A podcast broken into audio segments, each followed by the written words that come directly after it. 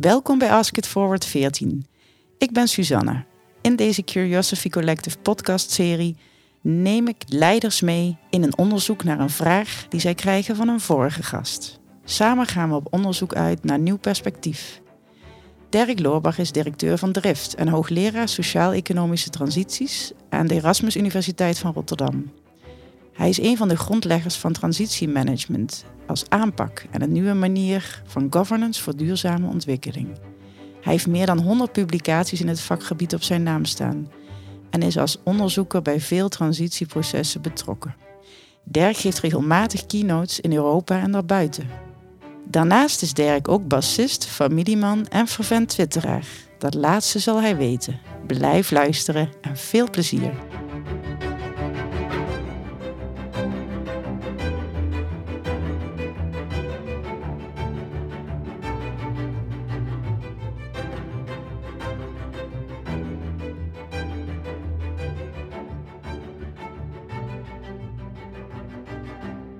Dirk, wat fijn om hier in jouw kamer in het prachtige Rotterdam te zitten. We hebben hier een super uitzicht. En ja, ik was vooral uh, verrast toen ik binnenkwam, aangenaam verrast door deze spannende tafel waar we in aan zitten. Ja. Wil, je daar even iets over vertellen? Ja, we, we zitten aan een, aan een vliegtuigtafel. Uh, de, uh, gemaakt door een vriend van mij, Gijs van Gemer, de, de kunstenaar, maker. Hij noemt het zelf de Flat Earth Table, maar hij heeft het gemaakt van uh, nou niet brokstukken, maar restanten van een, uh, een, vliegtuig wat in de jaren negentig lijnvluchten deed in Amerika. Ik geloof dat het 5 miljoen kilometer gevlogen heeft. Daar kan je een, een, heel eind. en het is gemaakt van de onderdelen van de stoelen en, en de romp. Dus de tafel zelf is bol. En in het midden zitten nog de raampjes. En dat is de enige plek waar je je koffie of thee op kan zetten. Ja. Mijn collega's vinden het uh, aanvankelijk heel onhandig, maar inmiddels is iedereen er toch echt wel aan gehecht geraakt. Ja, en ik moet je zeggen dat uh, ik merk ook hoeveel dingen je eigenlijk schuin kunt neerzetten. Jouw microfoon ja. bijvoorbeeld, en die blijft gewoon staan. En uh, het is gewoon steeds even zoeken naar een balans. Hè? Ja, en een laptop, die, die is eigenlijk wel handig om dat een beetje schuin te hebben. Ja. ja. Maar er is ook wel eens een, een, een, hoogleraar op bezoek geweest, die kreeg de koffie in de schoot. die was minder blij, maar dat is maar één keer gebeurd. gebeurt me niet nog een keer. Nee, precies. Oh, wat goed, wat goed. Nou ja, niet voor hem dan maar. Um, jij hebt een vraag gekregen. En als ik het forward gaat het erom dat um, impactmakers een vraag doorgeven uh, en daarin beantwoorden. En um, elke wis ging jou voor. En elke heeft een boeiend vraagstuk geformuleerd. Zullen we daar samen eens naar gaan luisteren? Ja, graag. Oké. Okay. Ja, wat ik aan Dirk wil vragen, er wordt een klein inleidingje bij. Hij houdt zich bezig met transities. Ik heb een paar video's bekeken. Nou, transities zijn niet per se makkelijke processen of snelle processen. Daar komt veel bij kijken. Dat is gebaat, denk ik, bij nuance. En wat me triggerde was het zinnetje in de website. Daar stond: Daarnaast is Dirk bassist, familieman en vervent twitteraar. En die laatste term, vervent twitteraar, die triggerde mij wel. Um, want Twitter gaat natuurlijk niet per se over nuance en tijd nemen en dingen uitpluizen. Dus mijn vraag aan Dirk is: wat voegt Twitter toe? Wat voegt Twitter toe? Ja. Vervente twitteraar. Ja, ik, het verbaast me wel dat ze niet over dat basspelen begonnen. Want dat is toch eigenlijk uh, veel interessanter, zou ik zeggen. Wil je er iets over kwijt, denk Nee hoor, nee, nee, nee. maar dat is een mislukte carrière die... Uh, Um, die we nog uh, in onze dromen hoog houden elke woensdagavond in een uh, bezweten oefenkelder. Um, oh, nee, laten we het over Twitter hebben. Dat ja. is een hele goede vraag. Maar ik ga je nog heel even, dat is een hele goede vraag. Um, en ik wil hem eigenlijk beginnen te ontleden met je aan de hand van een kunstwerk dat je hebt gekozen ja. bij de vraag. Um, simpelweg omdat dat ons uh, soms associatief helpt om naar een kern te komen. En jij hebt een uh, waanzinnig uh, kunstwerk uitgezocht. Um, daar wil ik graag nu met de luisteraars naar gaan luisteren. En beste luisteraars, uh, er staat een link in de podcast waarin jullie het filmpje ook kunnen zien. Zullen we daar eens even naar gaan luisteren? Ja, en ik raad wel aan aan de mensen om er ook naar te kijken. Ja, kijken ja. is inderdaad 80% van de ervaring. Ja. Zeker. Dat, nou, ik, ik tot nu toe zijn de luisteraars zeer trouw en volgen alle instructies op. Dus hopelijk deze ook. Nou, laten we eens even gaan kijken.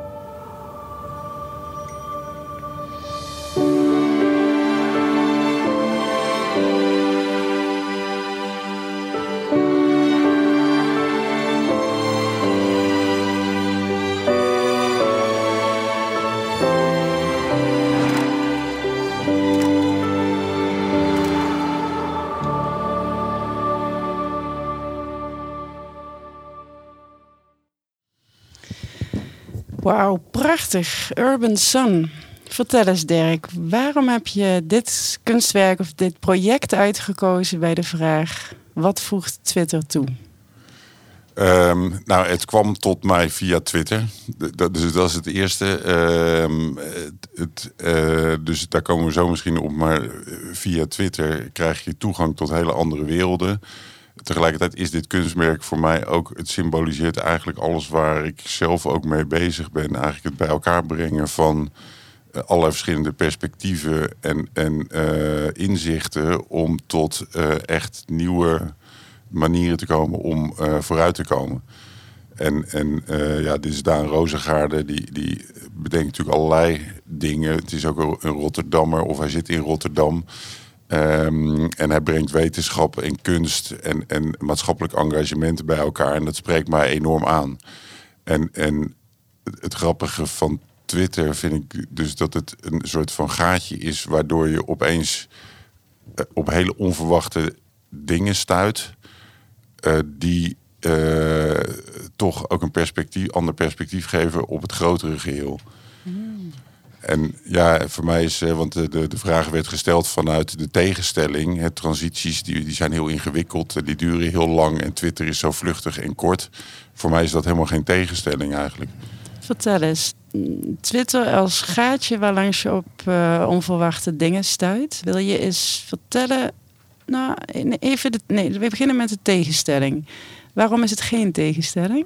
De grote beweging en de korte termijn kleine Twitter-berichten. Nou ja, het, uh, ik heb hem heel erg bij met die transities. Alleen dat is, zijn eigenlijk, is eigenlijk de optelsom van allerlei hele kleine acties.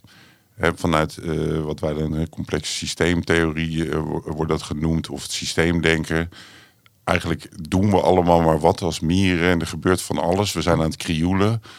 Maar daar, uit dat gekrioel ontstaan wel bepaalde patronen. En, en die patronen, uh, die, uh, dat bestuderen we eigenlijk met transities. Dus welke patronen ontstaan er nou uit al dat gekrioel wat wij doen? Mm -hmm. um, en, en Twitter is dus een hele mooie manier om, om inkijkjes te krijgen in dat gekrioel. En, en daar kan je zelfs ook weer onderzoek naar doen. Dus ik heb ook een van mijn uh, uh, AIO's die net begonnen is. Um, die gebruikt dus Twitter data om die patronen te onderzoeken. Met machine learning en, en uh, AI. Dus Oké, okay. dus het heeft echt een functie in het onderzoek naar. Nou ja, dat wordt nu onderzocht of dat inderdaad ook zo te gebruiken is. Mm -hmm. Voor mij is het uh, uh, veel directer functioneel. Ik, ik krijg gewoon toegang tot al die allerlei verschillende bubbels tot heel veel informatie en, en uh, tot verrassende inzichten. Ja, en vertel eens hoe jij twittert en vertel eens over het moment dat je, dit, uh, dat je Urban Sun op het spoor kwam. Wat, wat gebeurt er dan? En hoe, eerst eens even, uh, hoe twitter jij? Ja, dat is een goede vraag. Daar denk ik eigenlijk ook niet heel erg over na. Dat, daar moet je, ja, het, zo, zoiets ontstaat gaandeweg. Um, het zijn verschillende functies eigenlijk. Eh, ten eerste eh, volg je mensen die interessant zijn. Uh, dus dan, dan, en dan ontstaat er natuurlijk een soort van bubbel, want dan krijg je meer van hetzelfde en dat, dat volg je dan. Uh, ik ben altijd wel heel actief op zoek naar andere geluiden of andere stemmen. Dus dat is Het tweede is dat het natuurlijk ook een kanaal is om je meningen te geven en om in dialoog te gaan met je omgeving. Dus ik geef ook wel veel commentaar op dingen die langskomen of op het nieuws. Of, eh, ehm, ik vind ook dat dat hoort bij eh, mijn beroep. Ehm, en het is voor mij ook zinvol om dan te kijken van ja, wat is de feedback of zijn mensen ermee oneens of niet. Eh, en het derde is dat het natuurlijk een platform is om te zenden. Dus om ook je eigen eh, werk of dat van anderen die, eh, die je goed vindt te delen. En voor wie is jouw werk, die derde functie? Door wie wil jij graag gevolgd worden? Nou, dat is een discussie die we ook heel veel met collega's hebben. Ik, we hebben eigenlijk hier bij Drift, mijn instituut, hebben we heel veel verschillende soorten publiek. Kijk, uiteindelijk gaan transities ons allemaal aan. Dus het liefst wil je dat die diversiteit zo groot mogelijk is. De constatering is continu dat het een, een, een, nog een relatief beperkte groep is. De intrinsiek gemotiveerde, de hoger opgeleide, de professionals die ermee bezig zijn. En dan ook nog vaak van een bepaald signatuur. Wat progressief, wat uh, linksig. Dat, dat is toch een, een ja, bepaalde groep. Dat zijn natuurlijk de wetenschappers. Dat zijn ook typische beleidsmakers. Of het zijn de veranderaars uh, van professie. Dus die zitten in bedrijfsleven. Of, uh, en ja, we doen ook heel veel ons best. Maar dat gebeurt minder via Twitter. en meer via het werk wat we doen om uh, veel meer ook, hè, wat we, we, doen veel in wijken. Nou, dan gaat het overal over een hele grote diversiteit of op, in het onderwijs. Ja, dus probeert wel zoveel mogelijk publiek te bereiken. Ja. En in die zin is Twitter natuurlijk heel beperkt. Mijn kinderen die uh, vinden het gewoon echt uh, totaal, die, die snappen er niks van. Nee. Voor oude mensen is dat. Nee, ja. Ik wou, ik wou een ander woord gebruiken, wat mijn zoon zegt, maar dat. Ja, kan het niet, denk je? We kunnen knippen, hè? Probeer eens, doe eens. Voor oude lullen, ja. Nou ja, Elke is uh, wat jonger dan wij. En ik denk dat de verwondering ergens ook wel daarmee te maken heeft. Van waarom de keuze eigenlijk voor Twitter in een landschap met meer, um, ja, meer platforms, meer toegang. Nou weet ik, uh, uh, ja, Drift en jouw werk kom je op allerlei platforms tegen. Maar als ik, als ik je goed beluister, is het eigenlijk ook gewoon trial and error en learning by doing. Als ik het zo. Ja, nou vind ik wel dat de vorm van Twitter, dus dat het kort en krachtig moet, is, is ook een, een leuke uitdaging voor een wetenschapper die vaak heel veel woorden nodig heeft. Dus het is ook een soort, in die zin een soort training om kort en bondig te formuleren. Ja, en, en de, de, de, de, er wordt natuurlijk ook heel veel getwitterd, zeker in de eerste jaren. Maar volgens mij is dat een beetje uitgedoofd over. Ik sta bij de koffieautomaat en bla bla bla. Een beetje, um, voor, voor wetenschappers is het uh, een hele makkelijke manier ook om uh, uh, papers, artikelen uit te wisselen. of interessante mediaberichten. Dus ja, dan, dan heb je gelijk een linkje naar veel meer inhoud. Ja. En dat is bedoel, wat ik bedoelde met dat gaatje. Um, ja. Ja, je neemt mensen mee. Het is interessant. Ik heb, ik heb een. Uh, uh, ik heb altijd een moeilijke verhouding tot Twitter gehad, omdat ik uh, alles wat ik kwijt wil, kan niet in zo weinig woorden. Dacht ik altijd. Dus ik ben getriggerd door wat jij, de, de uitdaging juist zoeken in die korte bewoordingen. Ja. En dat is misschien ook wel een manier om juist dat wat jij doet, wat ik doe, op een andere manier toegankelijker te maken. Want de veelheid is vaak ook een factor van ja, er zit natuurlijk wel een. een uh, de, de vluchtigheid van alles. Uh, wordt wel ook wel gesymboliseerd door Twitter. Dus ja. alles is, is kort en, en kernachtig en snel. Ja, daar kan je heel erg een probleem mee hebben. Maar je kan ook proberen dat te gebruiken om uh, vervolgens de juiste groep of mensen aan te spreken. waarmee je daarna wel de verdieping in kan. Mooi. Vertel, je, je kwam Urban Sun tegen in het twitteren. Wat zegt dit project voor jou? Waarom is dit belangrijk voor je? Um, nou ja, ik, ik, ik, ik heb sowieso respect voor mensen die dan, dan die uh, verbinding leggen over die hele verschillende disciplines heen. Want dit is uh, ergens heeft hij een paper, een wetenschappelijke publicatie gevonden over UV-licht. En dan wat dan aerosolen gaat bestrijden. Maar dan, dus nou, dan denk ik weer van ja, je zit dat in een soort van complot of virus waanzinachtige uh, hoek. Maar daar gaat hij dan onderzoek naar doen. En blijkt dan echt eh, eh, eh, te zijn. En dan komt hij daar met een concept mee. En de meeste mensen die komen al niet zo ver, maar dan blijft het vaak hangen bij een wild idee. Maar hij weet er vervolgens ook nog gewoon een uitwerking, uitvoering aan te geven. technisch gezien. Maar vervolgens ook nog om het ehm, te, te, visualiseren en in te pakken in zo'n filmpje. En, en daar een een verhaal bij te hebben wat perspectief biedt. Ja, en dat vind ik uh, heel inspirerend als, als voorbeeld. Op meerdere manieren, nog even los van, van het feit dat het idee zelf uh, perspectief bieden. Ehm, het idee van, van weer samen met elkaar kunnen zijn. natuurlijk helemaal in deze tijd past. Tegelijkertijd denk ik er ook bij van ja, het is mooi, maar we gaan niet overal die, die zonnen neerhangen. En binnenkort zijn we gevaccineerd. En dan uh, dus de vraag gaat dat overal uh, nut hebben, dat denk ik niet. Hm. Um, maar ik vind alleen al de boldness, hè, de, het lef en het, de creativiteit van het maken en het idee helemaal tot het einde doorvoeren, vind ik uh, geweldig. Ja, dat is geweldig. Want leg nog even kort aan de luisteraar uit, wat is het idee van Urban Sun? Het idee is dat je met een bepaald uh, type UV-licht een groot deel van het coronavirus en de verspreiding daarvan tegenhoudt, zo niet alles.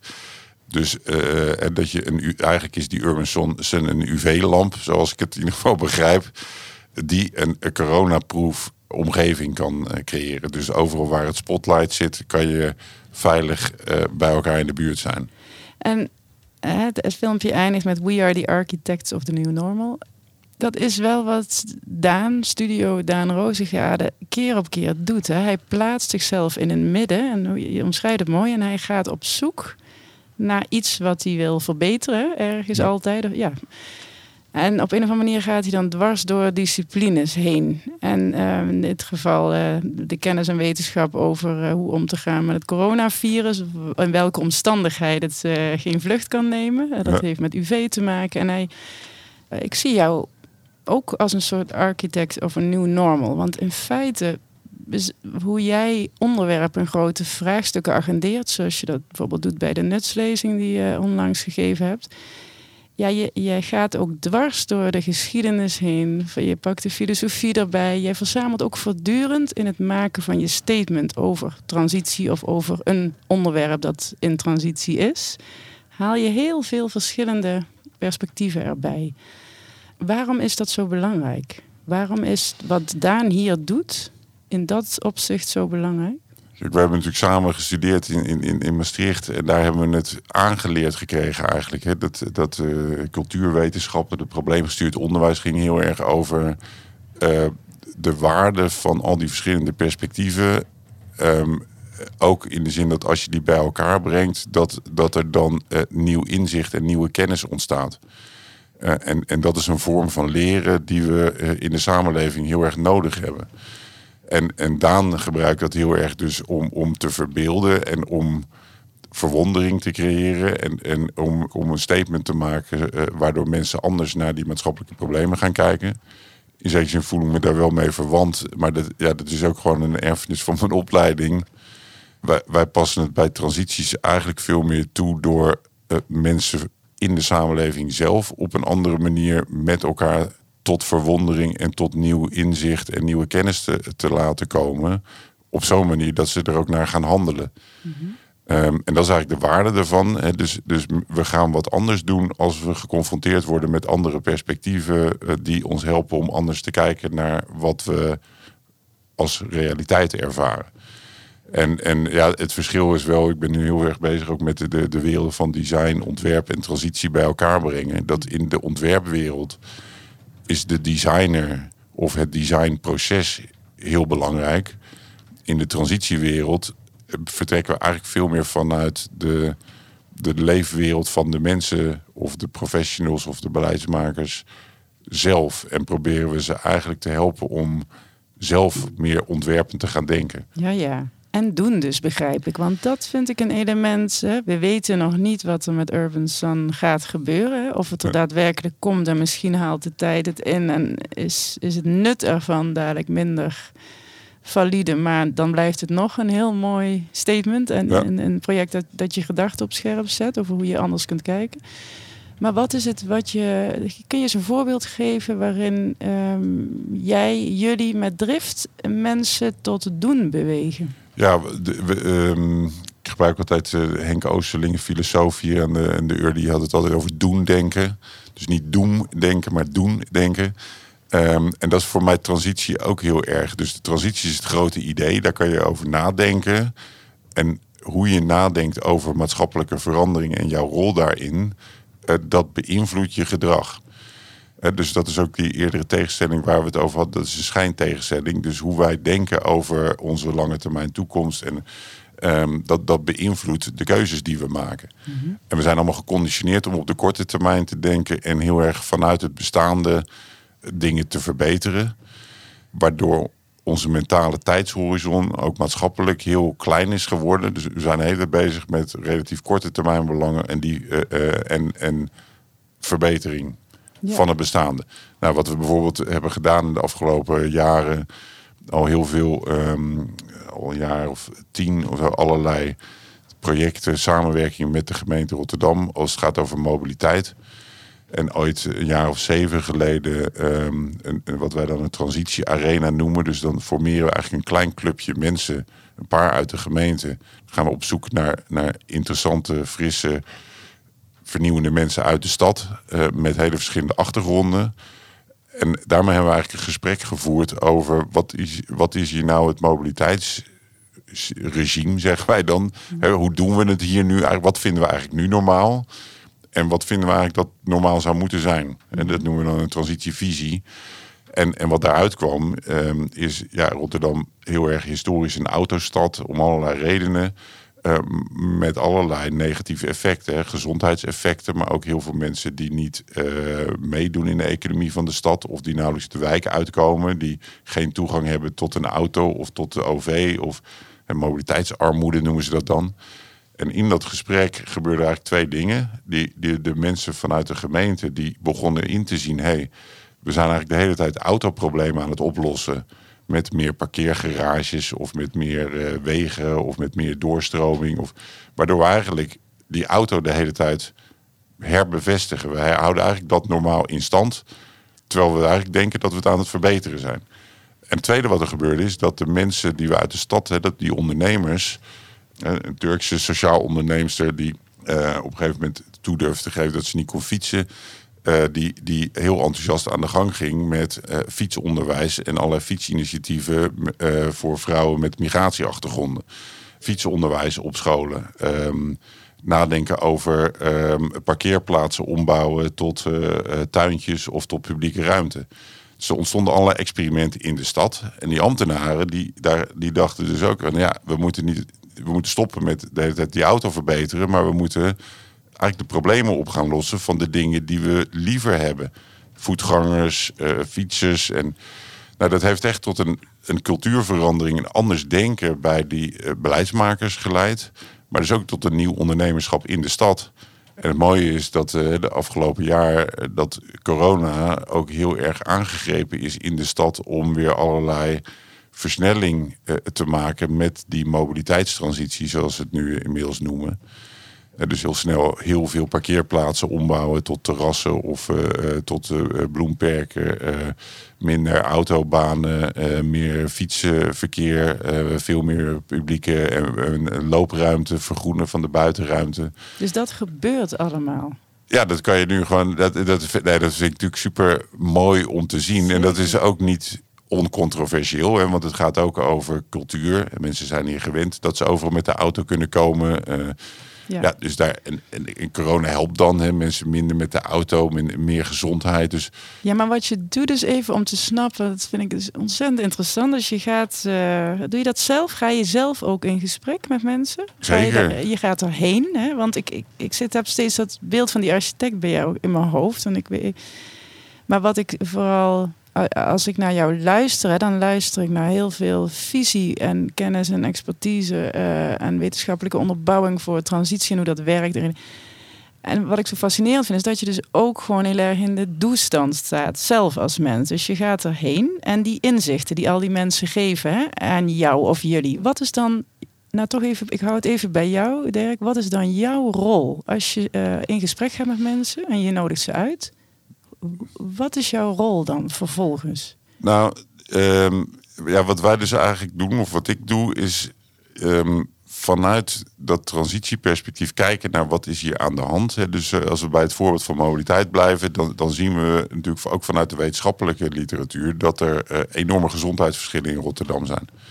Dat er zoiets is als mobiliteitsarmoede, omdat heel veel mensen economisch niet meekomen of actief zijn of geen toegang hebben tot die mobiliteit. Ja. Die kunnen ook geen elektrische auto gaan kopen. Dat is zelfs niet als je daar enorme subsidies op geeft. Uh, Um, we, we zien de inefficiëntie, gewoon wetenschappelijk weten we dat auto's uh, 90, 95 procent van de tijd stilstaan. En dat neemt heel veel publieke ruimte in bezit. Ja. We zien tegelijkertijd dat die stad heel warm is en dat er een klimaatprobleem is en dat je moet vergroenen en dat er een waterprobleem is. Dus van daaruit kunnen, hebben we zelf een idee van moet eigenlijk een, een, moet dat verhaal veranderen. En dan gaan we eigenlijk op zoek naar mensen die dat eigenlijk ook al vinden. Alleen die noemen dat geen transitie, maar die zijn gewoon bezig met fietsonderwijs of met, uh, met vergroening. Of, dus eigenlijk van, als wij wetenschappelijk zien van er is een fundamenteel probleem, dan kan je er donder op zeggen dat er overal mensen al bezig zijn met de oplossingen. Ja. En wat wij dan doen is die mensen met oplossingen bij elkaar proberen te brengen. En die helpen we dan eigenlijk om met elkaar een, een groter verhaal te bouwen. Ja. En dat helpt hen dan weer in hun eigen praktijk. En met dat verhaal uh, kan je dan weer verder. En, en help je die mensen ook om, uh, hè, want dat vind ik zo boeiend aan. We zitten allemaal zo in uh, kokonnen van kijken altijd. Uh, kunnen we gewoon ook niks aan doen. Mensen, hè, je kan zien wat je kan zien. En als je ja. als beleidsambtenaar in een gemeente verantwoordelijk bent voor het onderwerp mobiliteit dan is dat je focusgebied. Ja. En dan uh, zie je niet wat er op het uh, terrein van gezondheid of armoede speelt. Want daar ben je niet op gericht. Nee, en wat nou ja, het mooie is, ze heten dus eerst verkeer en vervoer. Maar door dit proces zijn ze zich mobiliteit gaan noemen. Omdat ze erachter kwamen, hey, we zijn, hebben verkeer en vervoer als doel. Maar het, moet eigenlijk, het gaat eigenlijk over mobiliteit. Dus eigenlijk veel meer breder over bewegen. Ja. Niet alleen over verkeer en vervoer. En mobiliteit is een middel om tot een inclusieve, duurzame stad te komen. Ja, en dan kom je dus vanzelf op thema's als armoede terecht bijvoorbeeld. Ja. Hè? Want het hebben van een fiets, hè, daar begint het mee. En dat is al niet vanzelfsprekend. Ik weet uit de Marokkaanse cultuur vaak dat kids ook gewoon heel erg in de wijk blijven en dan niet uitgaan. Dat, ja. dat past niet, zeg maar, bij de nee. leefgewoonte. Dus je, je komt ook op, op culturele gewoontes uit. Je komt op andere onderwerpen uit die hebben jullie dan ook een rol in als je uh, mensen bevraagt op deze thematiek en eigenlijk al dat, nou, die concrete initiatieven die er zijn opzoekt of ophaalt of verbindt met elkaar?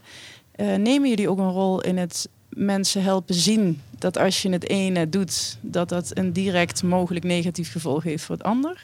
Wij, wij proberen dus de context te creëren waardoor mensen die in principe daar wel voor openstaan, maar dat nog niet zijn tegengekomen, of inderdaad zijn ze heel druk binnen hun eigen afdeling of, of organisatie, um, dat je de context creëert waardoor dat inzicht ontstaat bij de mensen zelf. Dus in, dat transi in die transitiearena daar. Uh, had collega Chris ook uh, van Nijten bijgehaald. Uh, een, een BMX'er van Curaçao. die, die nu hier allerlei fietsonderwijs op, lagere scholen deed. en op, op scholen.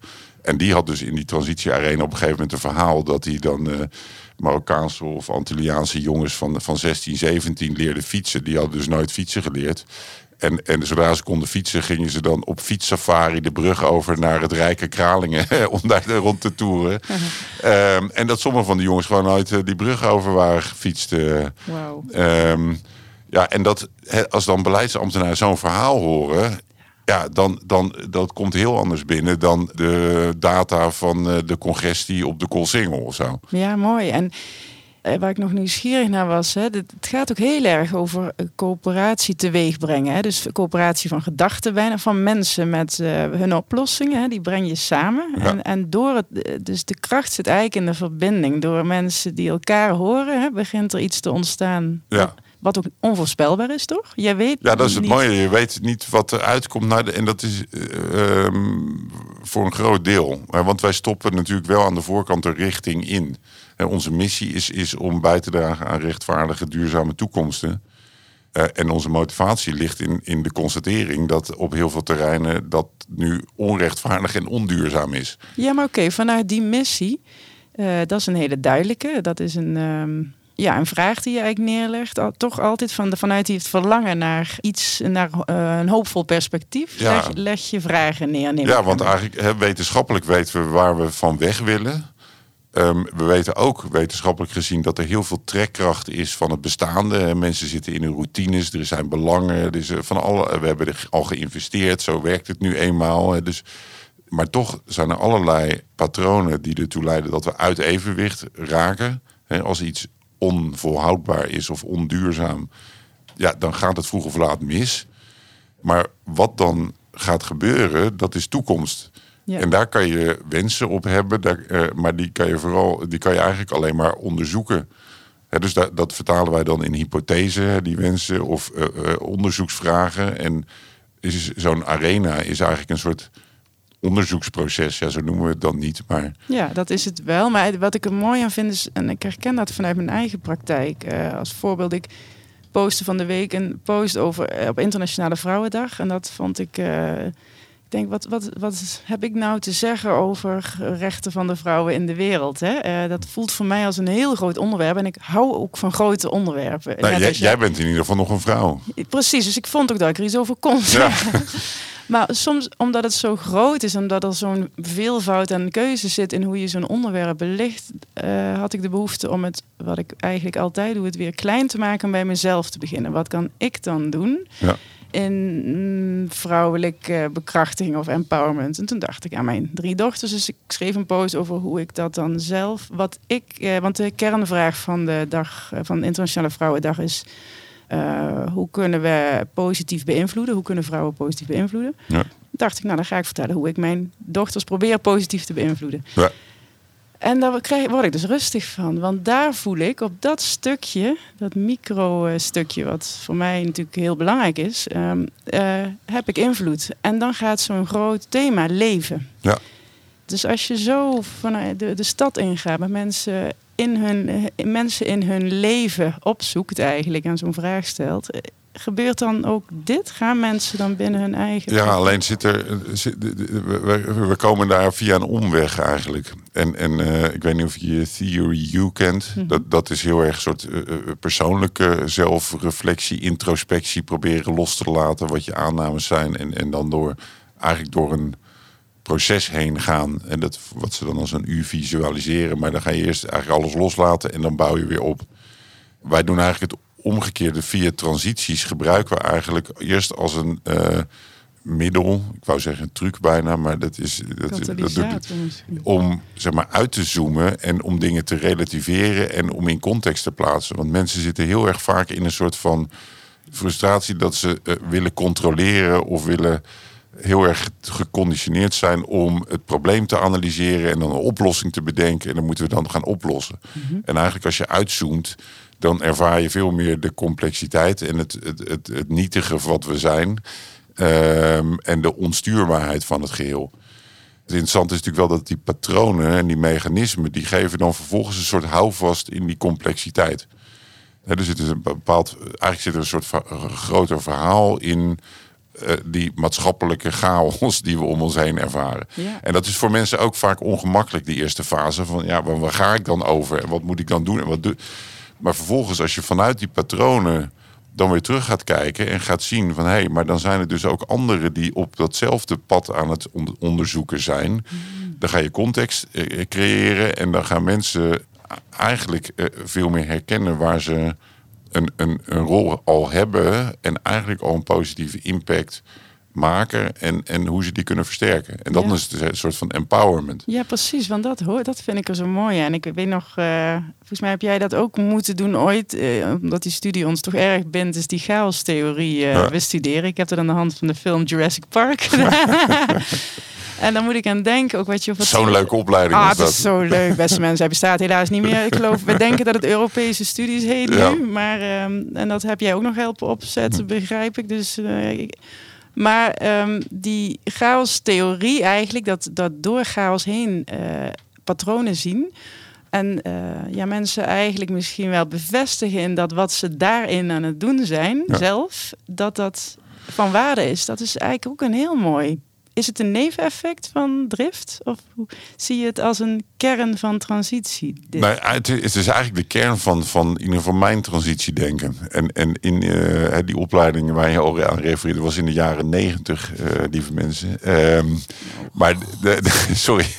Ehm, het interessante was, toen was wetenschapsfilosofisch, en toen hadden ze het allemaal over het postmodernisme.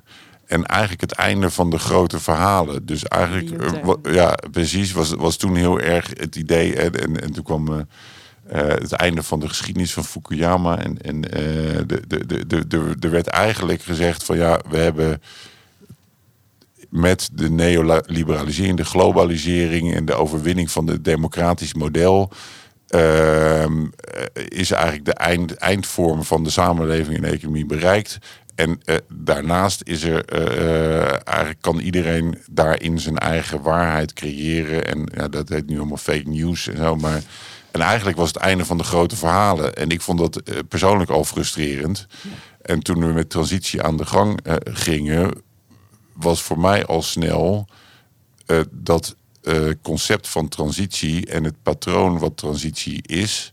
Eh, en de verhaallijn die daarin zit, is een soort eh eh, metaverhaal, een soort kapstok om je eigen verhalen te gaan maken.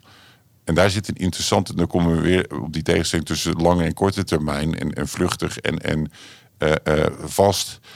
Eigenlijk is het transitiewerk wat wij doen, is het maken van eigen verhalen op zo'n manier dat die verhalen ook een eigen leven gaan leiden. En eigenlijk ja, je met de verwachtingen en met de beelden die je maakt en met de nieuwe verbindingen die je creëert, ook voor een deel de toekomst maakt. Ja, beïnvloedt in ieder geval. Hè? Want Ja. dat, dit is eigenlijk die eh architect of een new normal, eh, dat urban sun, dat, dat heeft ook zo'n functie. Hè? Ja, ja en dat is, eh, daar, daarom sprak het me ook zo aan. Het, is, het komt wel uit een hele andere hoek, omdat ze daar echt een, een ding eh, eh, maken met een verhaal eromheen, wat een soort brandpunt is. En tot op zekere hoogte is onze filosofie eigenlijk om, om een veel meer iets wat, wat uit elkaar spat eh, te maken.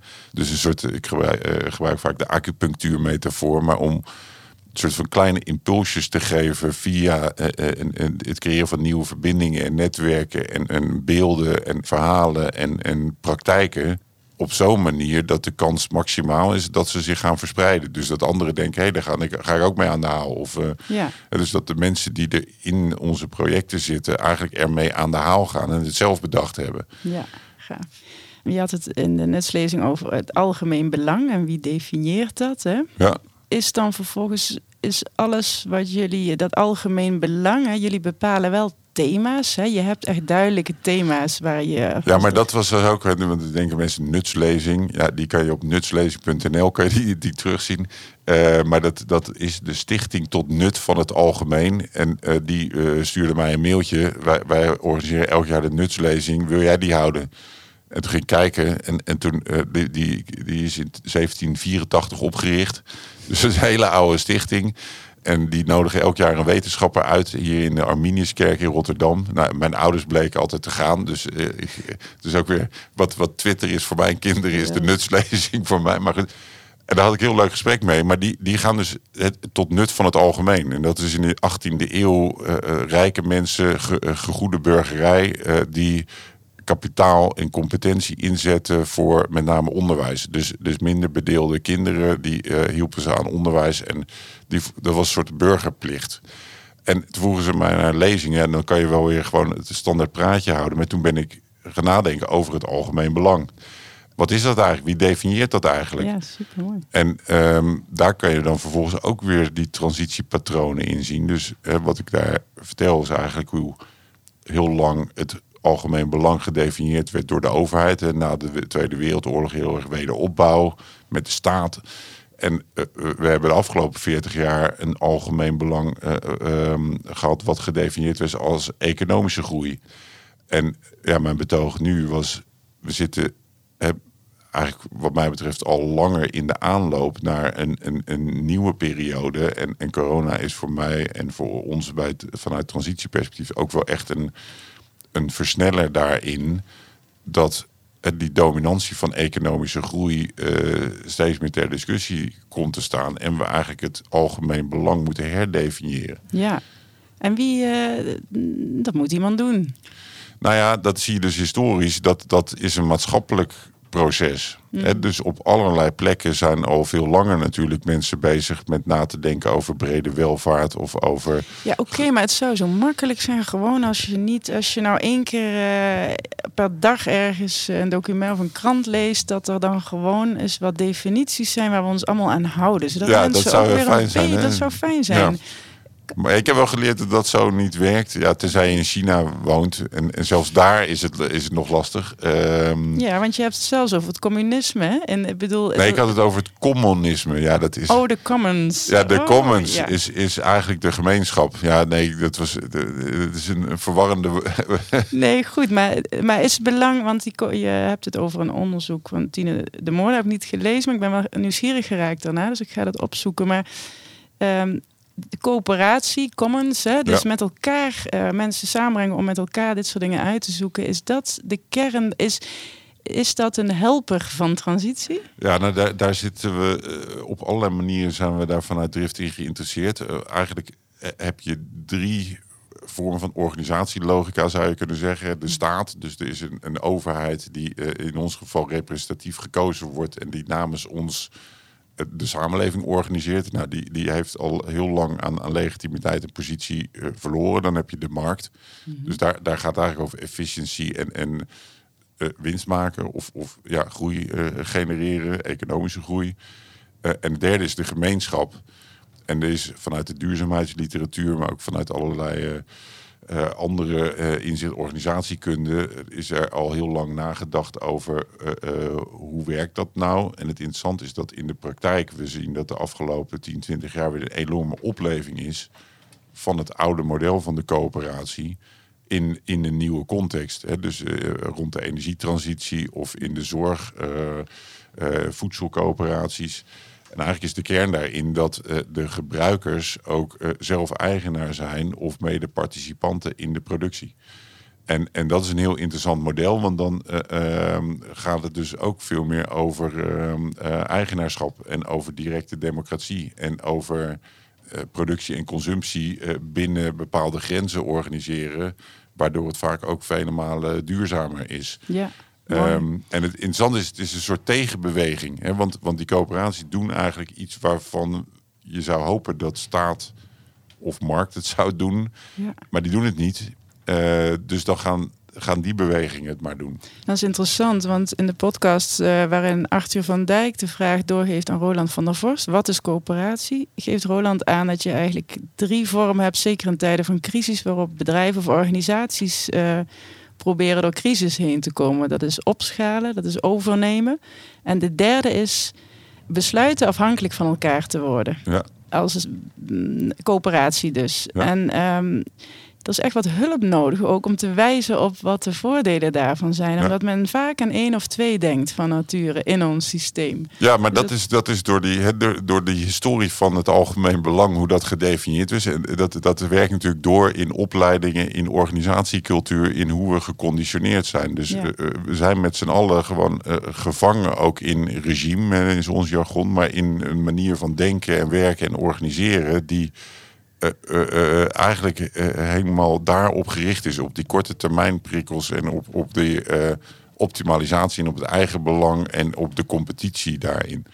En ehm, het, het, het kenmerkende van die opkomende beweging van coöperaties, we hebben het ook wel over sociale innovatie, want het gaat ook over sociaal ondernemerschap en niet alles is in de vorm van een coöperatie. Het gaat over een logica die eigenlijk veel meer gericht is op collectieve waarden.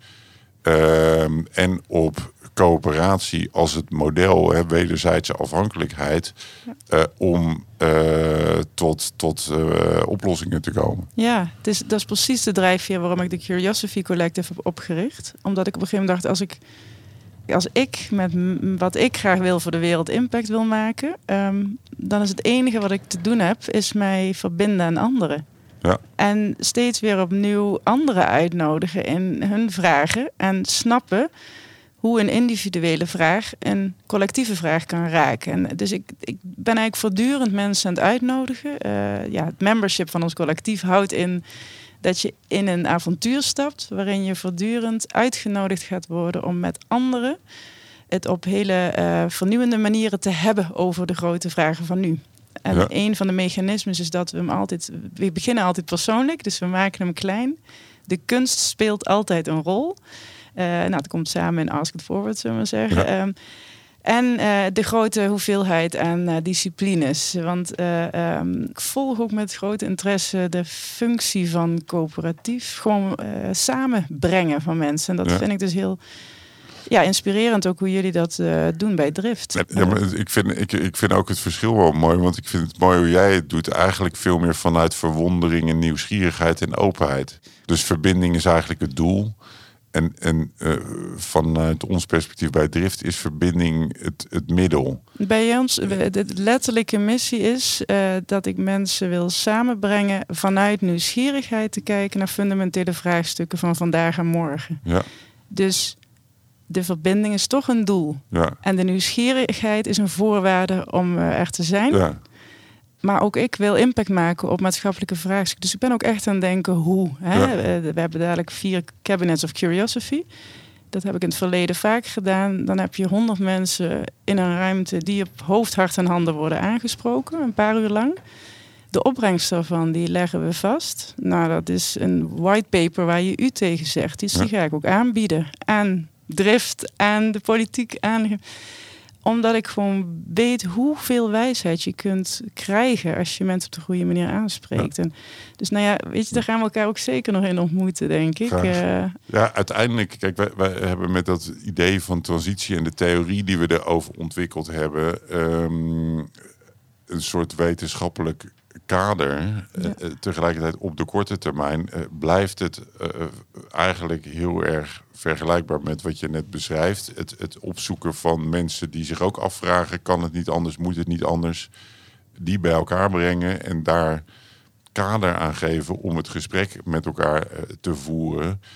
Ehm, zodat het hopelijk nieuw inzicht ontstaat, wat ze zo internaliseren dat er dan iets mee gaat gebeuren.